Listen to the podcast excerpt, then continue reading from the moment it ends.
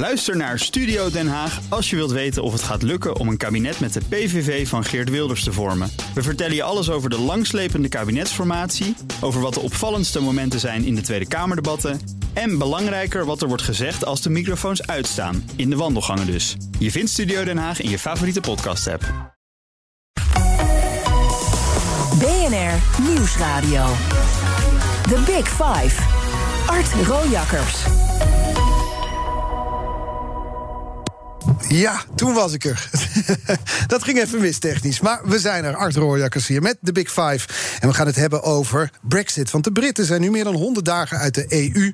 Tijd om de balans op te maken. Wat merken wij en de Britten nou van Brexit in ons dagelijks leven? En hoeveel is er uitgekomen van de verwachte doemscenario's? Hoe gaat het met de ondernemers? Die exporteren naar het Verenigd Koninkrijk... en die te maken hebben gekregen met stapels papierwerk en hoge kosten.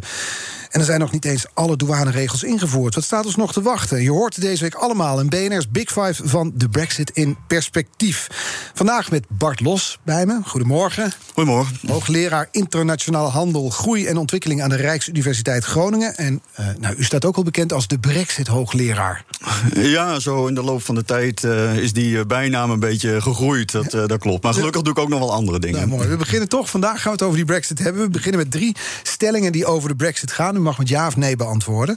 Het Verenigd Koninkrijk heeft het onderste uit de kan gehaald bij de Brexit-deal. Ja. Hoe vervelend die Brexit ook is, ik geniet van deze speeltuin aan onderzoeksmateriaal. Jazeker. En de laatste, uiteindelijk zal de Brexit leiden tot het uiteenvallen van het Verenigd Koninkrijk. Nee. Oké, okay. nou, het laatste komen we ook nog wel over te spreken. Eigenlijk over alles wel. Maar eerst ben ik benieuwd, hoe word je eigenlijk Brexit-hoogleraar? Uh, door in kaartenbakken te belanden. kaartenbakken Zo van, van media. Nou, ik, ik ben op een gegeven moment uh, bezig gegaan met, uh, met een nieuwe dataset die we aan, aan het ontwikkelen waren. En die heb ik een beetje bij toeval gelinkt aan cijfers over de peilingen met betrekking tot het Brexit-referendum. Dat was ongeveer vier maanden voor het referendum. En daar kwamen interessante uh, zaken uit uh, die opgepikt werden uh, vlak na het referendum door de Financial Times. En nou ja, op die manier is het balletje een beetje gaan, gaan rollen. En dan word je gevraagd om onderzoeken te gaan doen, ook vanuit Britse wetenschappelijke instanties. Media beginnen je vaker te vinden. En ja. op die manier groeit zo'n zo'n reputatie. Zo beland je uiteindelijk dan bij de Big Five hier op Ja, inderdaad, leuk. Ja. Ja. Dat, dat onderzoek uit 2017 was er een onderzoek, dat ging een soort van viral, zou ik maar zeggen. Want dat was nog dus voor de Brexit. En toen was uw conclusie juist de regio's die het meest afhankelijk zijn van de EU, zijn de grootste Brexiteers. Ja. Hoe, hoe kwam u op dat idee om dat toen al te gaan onderzoeken? Ja, dat was een klein beetje toeval. Want de uiteindelijke wetenschappelijke publicatie was in 2017, dat, dat klopt. Maar het onderzoek heeft al uh, in het voorjaar van 2016 uh, plaatsgevonden. Mm -hmm.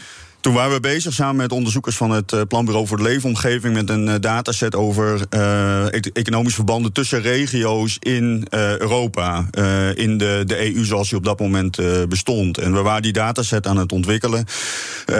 ja, dan ga je wat berekeningen doen om te kijken of er geen stommiteiten zijn begaan of nou ja, andere, andersoortige fouten. En toen ben ik gaan rekenen op, op basis van cijfers voor de Britse regio's. En toen bleek dus dat die regio's die het afhankelijk zijn uh, van uh, de Europese Unie als het gaat om het genereren van, uh, van arbeidsinkomen bijvoorbeeld. dat dat ook de regio's waren waar in de peilingen Leave op winst stond. En dat is kan natuurlijk. Dat? Dat is, dus, ja, dat, is heel, dat is een tegenstrijdigheid. Ja, dat is zeker een paradox. En uh, da da daardoor waren zoveel mensen er ook door, uh, door getriggerd. En uiteindelijk uh, denk ik dat iedereen het er wel over eens is dat economische aspecten maar een ondergeschikte rol hebben gespeeld in het uiteindelijke stemgedrag van, van, van Britten tijdens het referendum. Maar hadden de mensen die dus stemden voor Leave, hadden die door dat ze daarmee tegen hun eigen portemonnee stemden?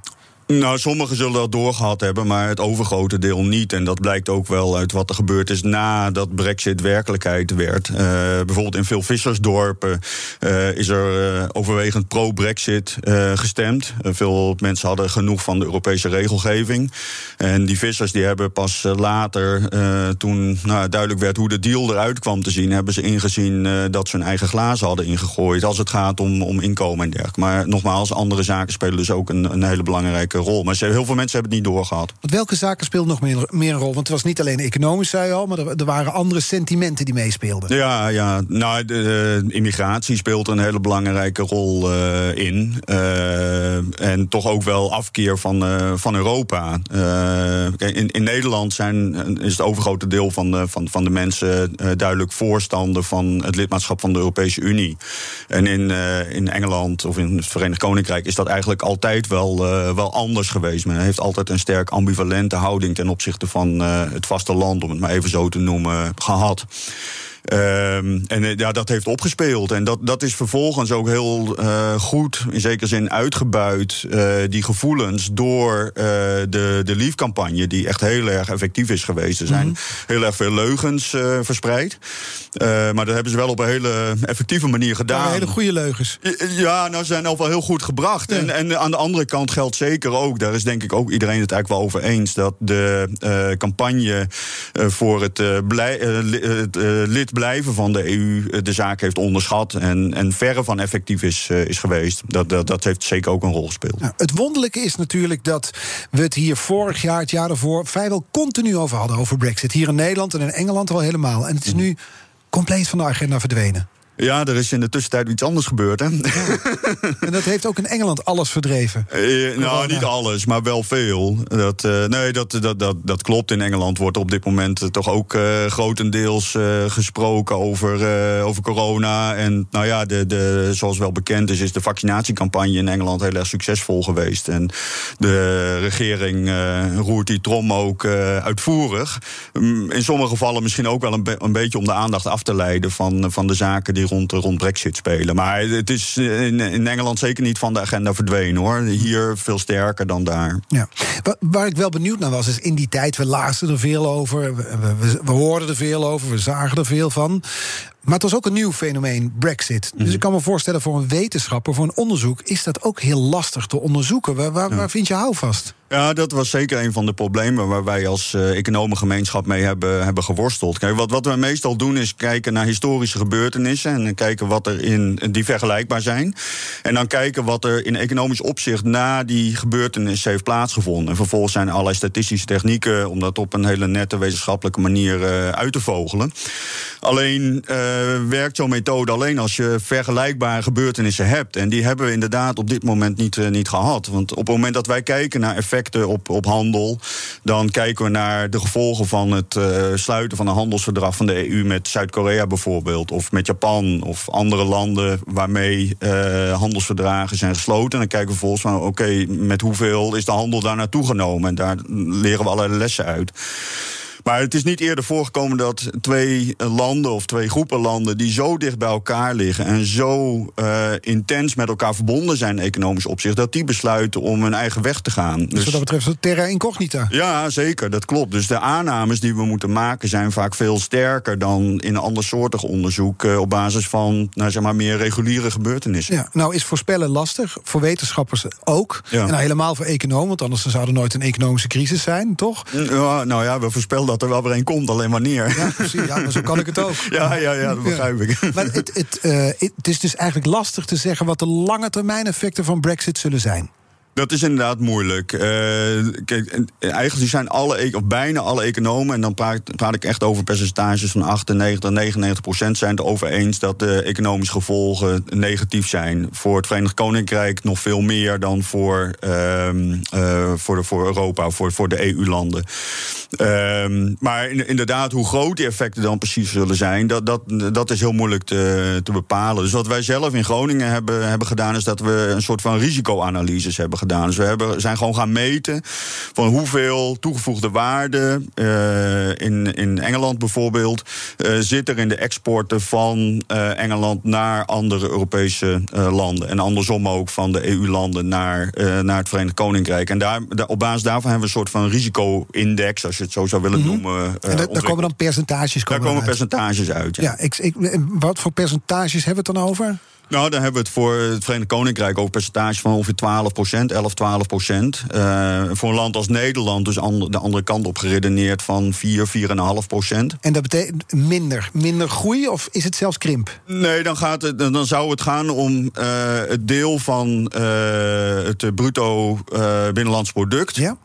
wat in gevaar is, als het ware, als gevolg van, van Brexit. Ja, en dat is in Nederland zou dat zo'n 4 procent zijn en in Groot-Brittannië 12 procent. Ja, ja, klopt. En, maar, dat is inderdaad fors, maar daarbij moet ik wel aantekenen dat dat het totale risico is. En het is natuurlijk maar de vraag in hoeverre die risico's uh, zich ook vertalen in daadwerkelijk effecten. Want waar, je zou ons scenario, en dat is eigenlijk niet echt een scenario, maar dat, die risico-index, die kun je vergelijken met een situatie waarin er helemaal geen handel meer plaatsvindt tussen het Verenigd Koninkrijk en de rest van de EU. Of tussen Nederland en de rest van het Verenigd Koninkrijk. En uiteraard, hoe moeilijk het misschien ook wordt om te handelen, of het misschien al is, er zal altijd wel wat handel plaatsvinden. Dus, dus wat uh, zeggen die cijfers dan? Zo'n 12 procent, zo'n 4 procent? Hoe nou, moeten we dat interpreteren? nou, het zegt iets over de, over, over de risico's die er worden gelopen. En uh, uiteindelijk is de kans ook wel groot dat uh, het, de, de, schade, als het ware, de economische schade voor het Verenigd Koninkrijk veel en veel groter is dan die, dan die voor andere Europese landen. En dan zit Nederland nog in de hoek waar relatief grote klappen vallen. Ja, maar dan zullen de Brexiteers zeggen: nou oké, okay, dat is dan misschien 12 procent. Dat is de prijs die we betalen voor onze vrijheid. Ja, dat, zo zou je het kunnen zien. Alleen hebben ze vaak niet door hoeveel 12% dan is. hoe, hoe men... zo slecht rekenen? Nou, dat, maar dat is wel een van de problemen. Dat de, de Remain-campagne heeft inderdaad dit soort cijfers vaak gebruikt. Van, goh, uh, mensen, voordat je je stem gaat uitbrengen... denk nou eens even na. Uh, nou, als we dit percentage eventjes nemen... 12% van je uh, looninkomen is in, in gevaar. Uh, terwijl dat eigenlijk veel beter uitgedrukt had kunnen worden. En dat is pas heel laat gebeurd in ponden. Van oké, okay, per maand, hoeveel uh, pond minder heb je straks te, te besteden? Uh, en er is te, te, veel in abstracte termen geredeneerd. Tenminste, dat is een soort van consensus die is ontstaan in mm -hmm. het Verenigd Koninkrijk zelf over het functioneren van de, van de Remain-campagne. Mm -hmm. En, en er is dus heel sterk gefocust op economie, terwijl uh, veel mensen andere zaken veel belangrijker vonden. Ja, het ging ook over andere zaken. Toch nog even over die economie. Want is dat effect, die percentages waar we het over hebben, het effect op de handel van Brexit, is dat eigenlijk te meten nu ook corona zo ongelooflijk veel invloed heeft op onze economie? Uh, dat is uh, heel moeilijk. Het, een van de eerste vragen die je me stelde, of die stellingen, die ging erover van of, ik het, of het een soort van wetenschappelijke speeltuin ja. was. was ja, was het antwoord. het antwoord was ja, dat, dat, dat klopt. Uh, maar tegelijkertijd is die speeltuin uh, wel een beetje onklaar gemaakt uh, door het uitbreken van de coronacrisis. Want ja, eh, er gebeuren nu zoveel, zoveel andere dingen. Ik heb wel lijstjes met wat er met handel is, is gebeurd. Maar die worden een heel, voor een heel groot deel ook veroorzaakt door het optreden van, van corona. Daarbij heb je ook nog te maken met het feit dat in sommige landen de effecten van corona veel sterker zijn dan in andere. Dus je kan niet even zeggen van goh, nou we corrigeren middels een soort van gemiddelde en dit komt eruit. Uh, dus die, uh, die speeltuin uh, die, uh, die werkt niet meer op dit moment. En het is maar de vraag, en daar ben ik een beetje pessimistisch over, of wij als economen nog een soort van methode kunnen ontwikkelen om die twee effecten van corona ja. en brexit toch op een hele nette manier uit elkaar te halen. Ja, om die te scheiden. Ja. Maar zijn er dan, hè, want we hadden het over die percentages, over die 12 procent, misschien wel risico voor Engeland dat het, het bruto binnenlands product gaat dalen, in Nederland 4 procent. Zijn er ook concreet dingen zichtbaar van die voorspelde risico's? Ja, de, uh, nou in zoverre dat, uh, dat we wel zien dat er een grote uh, dip, als het ware, heeft plaatsgevonden in, in de handel tussen het Verenigd Koninkrijk en de EU. alleen Niet door corona, maar door de Brexit. Is nou, dat. ja, corona speelt daar uiteraard een rol in. Dus het enige wat we eigenlijk kunnen doen op dit moment is kijken van oké, okay, heeft de handel met de, het Verenigd Koninkrijk of van het Verenigd Koninkrijk, is die sterker gereduceerd dan handel met andere landen? Mm -hmm. En dan zien we dat voor het geval van Nederland wel. Uh, dus uh, voor de totale Nederlandse export uh, over 2020, die waren ongeveer een kleine 10% lager dan in 2019. Um, en dat, dat is dus waarschijnlijk het gevolg van, van corona grotendeels. Maar naar het Verenigd Koninkrijk was het 17% lager. Dus dat was een fix extra reductie. -hmm. Uh, en, maar ja, goed, het Verenigd Koninkrijk is ook een tijdje helemaal op slot geweest. Als gevolg van, uh, van corona. Of dat heeft uh, Frankrijk dan voor een deel gedaan. Die heeft de kanaaltunnel toen een tijdje gesloten. En het, het verkeer per, per vrachtschip ja. aan banden gelegd. Dus het is heel erg moeilijk om dat, om dat te kwantificeren. Er zijn er sectoren die meer risico lopen dan andere sectoren? Uh, jawel, zeker. Dat hangt ook een beetje vanaf naar welk van beide kanten je kijkt. Als je naar Nederland kijkt, dan uh, uh, sectoren die sterk met de landbouw samenhangen, dus landbouw zelf, maar ook voedingsmiddelenindustrie, die hebben hier zwaar onder te, te lijden. Dat heeft ook te maken met het feit dat er uiteindelijk een deal is gesloten vlak voor kerst uh, waarin uh, zeg maar importbelastingen uh, taboe zijn verklaard. Dus mm -hmm. dat, is, dat was een, een, dreiging die er heel lang heeft, heeft bestaan. Maar uiteindelijk is, heeft men daar een akkoord over weten te, te, bereiken. Maar wat er is blijven staan, dat zijn die, die regels over het erkennen van elkaars productieprocedures, milieueisen, eisen met betrekking tot hoe producten worden gefabriceerd, bij wijze van spreken kinderarbeid en ja. dergelijke. En allerlei certificaten die eerder voor heel Europa geldig waren, die zijn nu uh, niet meer in het Verenigd, Koninkrijk uh, gelden. Dus er is een enorme papierwinkel ja. ontstaan. Waardoor die papierwinkel steeds groter wordt en dus de import en export lastiger. We praten er zo over door. Ook over de impact van Brexit over de, op de regionale verschillen in het Verenigd Koninkrijk. Tot zo. BNR Nieuwsradio. The Big Five. Art Rojakkers. Welkom bij het tweede half uur van BNR's Big Five. Deze week vijf kopstukken uit de wereld van de Brexit in perspectief. Vandaag hoogleraar internationale handel, groei en ontwikkeling aan de Rijksuniversiteit Groningen. Maar hij staat ook al bekend als de Brexit-hoogleraar Bart Los. Uh, ik, ik, las een oud interview met, uh, met u terug, 2019. Uh, de titel daarvan was de kop: Het is maar de vraag of het Verenigd Koninkrijk de Brexit overleeft. Mm -hmm. Denkt u daar nog steeds over? Nou, ik heb uh, helemaal aan het begin nee. aangegeven nee. Uh, het is nog steeds wel een groot, uh, groot risico. Maar ik denk, en ik hoop eerlijk gezegd ook wel een klein beetje... dat uiteindelijk de, de ratio gaat, gaat overwinnen. Wat zijn de risico's?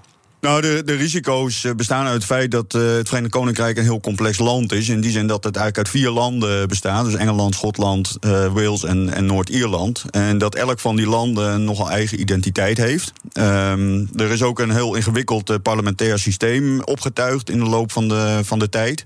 Waardoor een, een flink aantal beslissingen, beleidsbeslissingen in, de, in Schotland of in Noord-Ierland bijvoorbeeld genomen kunnen worden. En niet in, in Westminster, in, in Londen, door de centrale centrale uh, regering.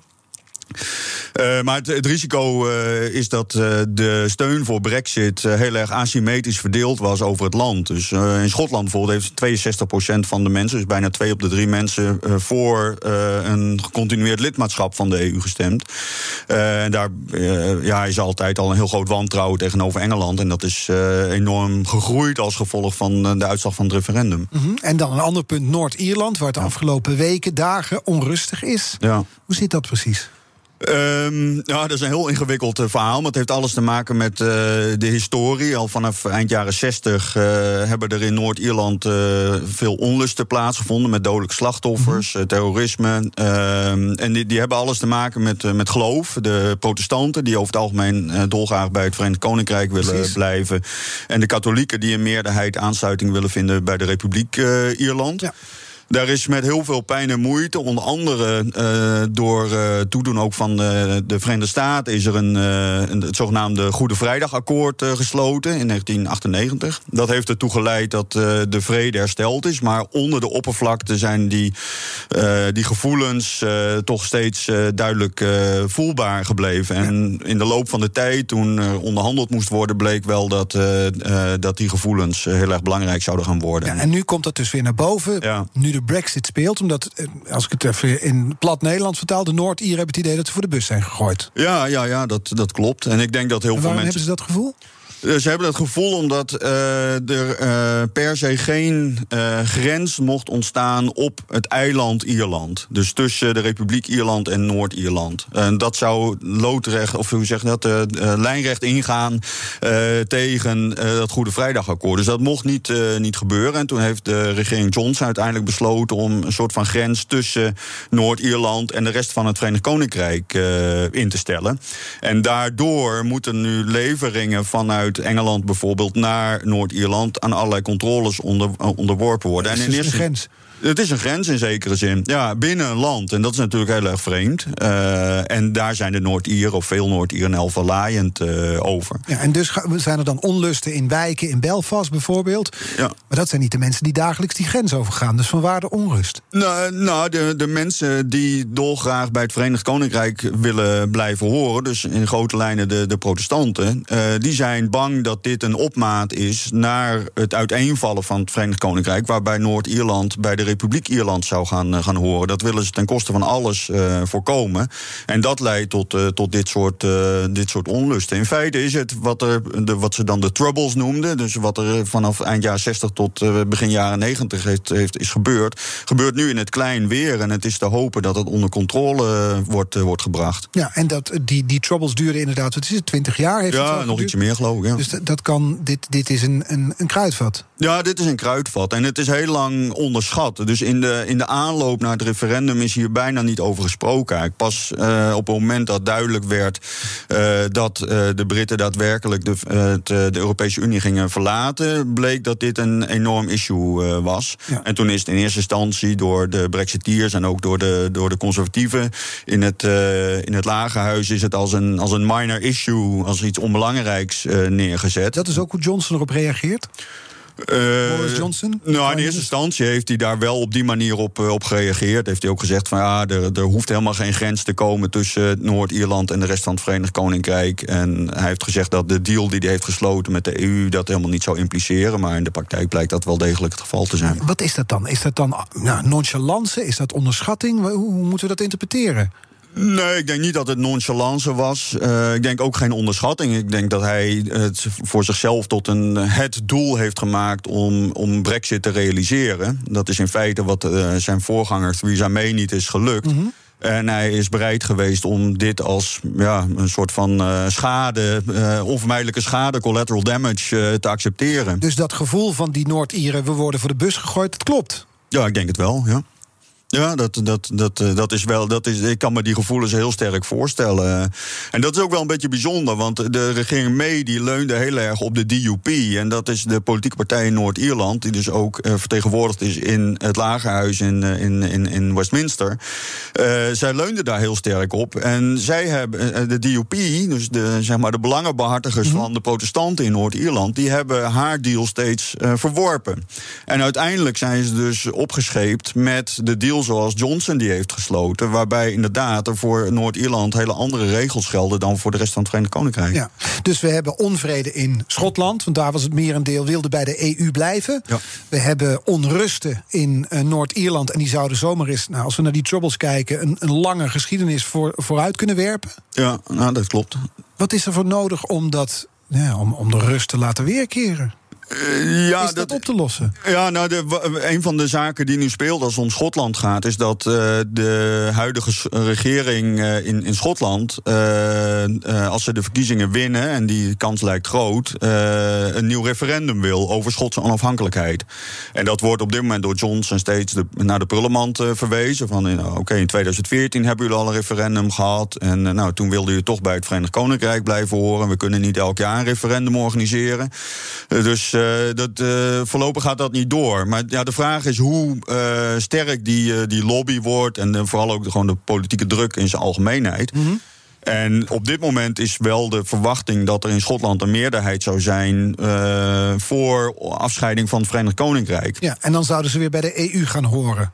Ja, dat ligt dan voor de hand. Dat willen Schotten heel erg graag. Uh, alleen speelt dan eigenlijk precies hetzelfde, een beetje in het klein als wat tijdens Brexit speelde. Dat uh, de Schotse economie en daarmee het inkomen van nou ja, zeg maar de gemiddelde Schotse burger heel sterk afhangt van handel met, het Verenigd, met, uh, met Engeland. Dus met een ander deel van het Verenigd Koninkrijk. En veel minder dan met de rest van de EU. Met andere woorden, het gaat geld kosten. Ja, ja de economische schade die zou enorm zijn hier, hiervan. En dan krijg je dus precies dezelfde afweging. Van van ja, het, het, idee van dat de Schotse identiteit anders is dan die van, uh, van de rest van, uh, van het Verenigd Koninkrijk. dat versus de economische schade. En wat, wat gaat dan uiteindelijk het zwaarste wegen? Dat is de, dat is de vraag. Ja, hetzelfde bij Brexit. Is het sentiment versus het verstand? Ja, ja, zo zou je het denk ik wel kunnen stellen, ja. Ja, ja waarbij ik niet wil zeggen dat sentiment en verstand per se onafhankelijk van elkaar zijn. Hè. Dus er is wel gezegd dat tijdens het referendum de Britten als gestemd hebben als kalkoenen voor kerstmis. Uh, dat suggereert een beetje dat ze er nergens bij nagedacht uh, hebben. Maar je kan natuurlijk, de, de, ratio is meer dan alleen economische afweging. Mm dus op het moment dat jij erg veel problemen hebt met het feit dat er in jouw wijk uh, een Poolse supermarkt wordt geopend of dat er veel Roemenen wonen, ja, dan kan dat natuurlijk in een afweging, ook als je afweging heel keurig maakt, ertoe leiden dat je stemt voor, voor afscheiding van het Verenigd Koninkrijk. Dus dat, dat is wel een, een, een, een, kanttekening die ik daarbij wil maken. Dat begrijp ik. Dus als we, als we die lijn volgen, wat zou de Schotten kunnen opleveren als ze uit het Verenigd Koninkrijk zouden stappen? Ik denk dat uh, de Schotten er trots op zouden zijn als ze een eigen land uh, zijn. Uh, en daarbij denk ik dat de Schotten inderdaad heel erg graag weer bij de Europese Unie willen horen. Mhm. En dan gaat het niet eens alleen om het feit dat ze daarmee handelsverbanden weer makkelijker maken. Maar de Schotten hebben ook altijd erg geprofiteerd van regionale subsidies die vanuit Brussel zijn gekomen. Dus de Europese Unie heeft een heel uitgebreid systeem van subsidies voor regio's die het zwaar hebben. Uh, en de Schotten hebben van die regeling altijd relatief veel uh, kunnen profiteren. Omdat de, de, Schotten over het algemeen economisch gezien het zwaarder hebben dan, dan veel andere Engelse regio's. Ja. Met dit alles in ogenschouw, met Schotland, de kalkoenen die voor kerstmis stemmen. Ja. De verdeling binnen Engeland. Het gedoe en de, de onrust in Noord-Ierland. Het is geen wetenschappelijke definitie die ik gebruik. Maar is Brexit een Shakespeareaans drama? Ja, ja, ja, dat, dat zeker. Maar dat, dat, dat speelt op persoonlijk niveau, denk ik al. Ik ben er eigenlijk van overtuigd dat er meerdere speelfilms gemaakt zullen worden over zeg maar, de periode tussen 2015, toen David Cameron uh, het referendum uitriep, tot aan zeg maar, het moment dat, dat uh, Johnson uh, zijn handtekening zette onder het akkoord vlak voor kerstmis 2020. Mm uh, daar, daar zijn uh, speelfilms en, uh, over te maken en boeken over te schrijven. Ehm, maar op, inderdaad, op een wat meer macroniveau is het ook gewoon heel erg spannend. Want ik gaf wel aan aan het begin toen je de stelling formuleerde. dat ik denk dat het Verenigd Koninkrijk uiteindelijk wel één zal, zal blijven. Maar daar durf ik mijn hand niet voor in het vuur te steken. Nee? nee, nee, nee, dat zeker niet. Het is wel wat ik denk. Maar ik ben er lang niet zeker van. en het is wel ook iets wat, wat denk ik ook onderschat is. Eh, in de aanloop naar het referendum. Eh, de gevolgen die het zou kunnen hebben voor het voortbestaan van, eh, van de, het Verenigd Koninkrijk. BNR Nieuwsradio. The Big Five. Art Rojakkers. Je luistert naar BNR's Big Five van de Brexit in perspectief. Met vandaag de gast Bart Los, hoogleraar aan de Universiteit Groningen. De Brexit-hoogleraar van ons land, durf ik hem te noemen. Zo wordt hij ook genoemd. Ja, volgens mij was de algemene aanname, angst ook wel... dat als die Brexit-deal er eenmaal was, dat het dan... nou, dan zou de chaos uitbreken. Dat blijkt eigenlijk best mee te vallen tot nu toe. Is dat reden om te juichen? Uh, ik weet niet of het, of het echt meevalt. Kijk, uh, wat niet is gebeurd en wat wel werd gevreesd... was uh, grote files aan beide kanten van het kanaal. Ik kan me die beelden herinneren. Daar waren de parkeerplaatsen ingericht... zo groot als ongeveer het geboortedorp van Ja, mij. ja, ja. ik weet niet waar je bent geboren, maar inderdaad... Dat is niet zo groot. nee, nee, nee, nee. klopt. Nou, dat, dat is uitgebleven. Maar dat, dat is ook weer iets wat goed samen kan hangen met, ehm, met, met corona. dus in, de, in de periode dat, dat daar de grootste vraag grootste angst voor bestond, uh, uh, viel een heleboel vragen ook, uh, ook weg. Mm -hmm. Um, dus de, dat, dat kan daar een rol bij, bij hebben gespeeld. Maar ik denk dat als je bij een uh, voedselexporteur uh, gaat navragen van in, ergens in Nederland van goh, uh, hoe gaan bij jullie de zaken als het gaat om export naar het Verenigd Koninkrijk, dat men het wel degelijk als een, als een kleine ramp ziet. En andersom geldt dat zeker ook nog veel sterker voor bedrijven die in het Verenigd Koninkrijk actief zijn. Mm -hmm. En het, waar we het helemaal aan het begin een tijdje over hadden, het wisselt wel ook van, van sector tot sector heel sterk. Dat, dat, Want als we bijvoorbeeld naar de finance, dat was in Londen altijd heel belangrijk natuurlijk. Ja. Is in Londen heel belangrijk? Ja, dan nou, hoor je berichten dat er hoofdkantoren naar, naar Amsterdam komen, bijvoorbeeld. Ja, klopt. Amsterdam, Dublin, Frankfurt worden inderdaad uh, genoemd. Uh, alleen is dan eigenlijk altijd een beetje de vraag van ja, hoeveel werkgelegenheid bijvoorbeeld zit daar dan aan vast? Want het is heel makkelijk om een hoofdkantoor kantoor, wat bij wijze van spreken een brievenbus kan zijn. Het is in deze gevallen wel wat meer natuurlijk. Maar van hoeveel, hoeveel banen bijvoorbeeld zijn daar nu uiteindelijk gaan daarmee mee gepaard? En ja. dat, dat, dat, is, dat, is de, dat is de vraag. Maar ik, ik denk dat die effecten nog niet eens zo heel erg groot zijn, eerlijk gezegd. En dat is dan per sector. En dat is natuurlijk voor voedselexporteurs zal het lastiger zijn dan uh, voor, voor andere sectoren. Maar toch, we zijn nu zo'n 100 dagen, iets meer dan 100 dagen, is de Brexit een feit. Wat zijn de, de effecten voor de gemiddelde Brit? Zijn ze bijvoorbeeld qua koopkracht? Zijn ze erop vooruit gegaan, op achteruit gegaan? Is er geen verschil? Nou, ze gingen er eigenlijk al, al meteen op achteruit. Uh, zeg maar op, de, op het moment dat de, de uitslag van het referendum bekend werd, uh, ging de koers van het pond met ongeveer 10% onderuit. Ja, ze kunnen toch niet naar het buitenland op vakantie, dus ja. Nee, dat niet. Maar ze kopen wel spullen die voor een deel ook geïmporteerd zijn. Uh, dat dus is duurder geworden. Ja, dus op het moment dat een, een, een Brit een, een spaghetti maaltijd wil, wil bereiden, importeert hij uit bijvoorbeeld Italië. En dat soort zaken is, is duurder geworden. Mm -hmm. Dus de koopkracht van de Britten werd op dat moment al een stuk, uh, stuk kleiner. Mm -hmm. Um, en ja, vervolgens is de vraag van ja, wat, wat, gaat, uh, uiteindelijk, wat gaat er uiteindelijk gebeuren met de groei van de, van de Britse economie? En daarvoor is het gewoon op dit moment nog veel te, veel te vroeg. Is er iets dat, uh, als je als hoogleraar bekijkt, wat het Verenigd Koninkrijk zou kunnen doen om die economische schade die er mogelijk aankomt te beperken? Ik denk dat er twee, twee mogelijkheden zijn. Uh, de ene is zoveel mogelijk uh, deals sluiten met andere landen. Met uh, andere landen, dus buiten de, buiten de EU. Dat is eigenlijk ook steeds geweest wat, wat Johnson en andere pro-Brexit mensen benadrukten. Mm -hmm. Van, het wordt nu makkelijker voor ons om deals met Japan of, of Korea of Canada of Australië te, te sluiten. Alleen zijn wij als economen ervan overtuigd dat die landen allemaal zo ver weg liggen dat de de handel die met die landen plaatsvindt veel te klein is om. Dus groei en de handel met die landen veel te klein is om het verlies aan handel met de EU op te vangen. Dat is, als je het ons vraagt, eigenlijk onmogelijk. Dus dat is één. Uh, de andere optie zou zijn om toch door te onderhandelen. En er zijn ook wel aanwijzingen dat dat uh, op vrij uitgebreide schaal gebeurt. Om te kijken of. Met de EU. Met de EU, inderdaad. Uh, om te kijken of er niet toch nog zaken beter geharmoniseerd kunnen worden. Waardoor een deel van die handelsbelemmeringen weggenomen worden. Maar wacht even, het was toch Brexit means Brexit? We, het is toch, we zijn eruit en dus zijn we eruit? Ja, ja, dat is de politieke kant van de zaak. En zo wil men de media bedienen. En wij tuinen daarin. Ja, misschien wel, sommigen. maar uh, ik denk, nou, een, een, van, de, van de sectoren die voor de Britse economie heel erg belangrijk is, is de dienstensector. En over dienstenhandel is eigenlijk niets afgesproken in het akkoord wat in december is, is gesloten. En dat gaat de Britten echt veel kosten, als daar geen verandering in komt. Dus de kans lijkt me toch groot dat er in de loop van de tijd, als alle negatieve gevoelens een beetje verdwenen zijn. Mm -hmm. Dat er dan wel degelijk doorgepraat wordt om te kijken of daar niet toch wat meer te regelen valt. En dat, is, dat zou ook iets zijn wat in economische zin in elk geval voor de EU belangrijk is.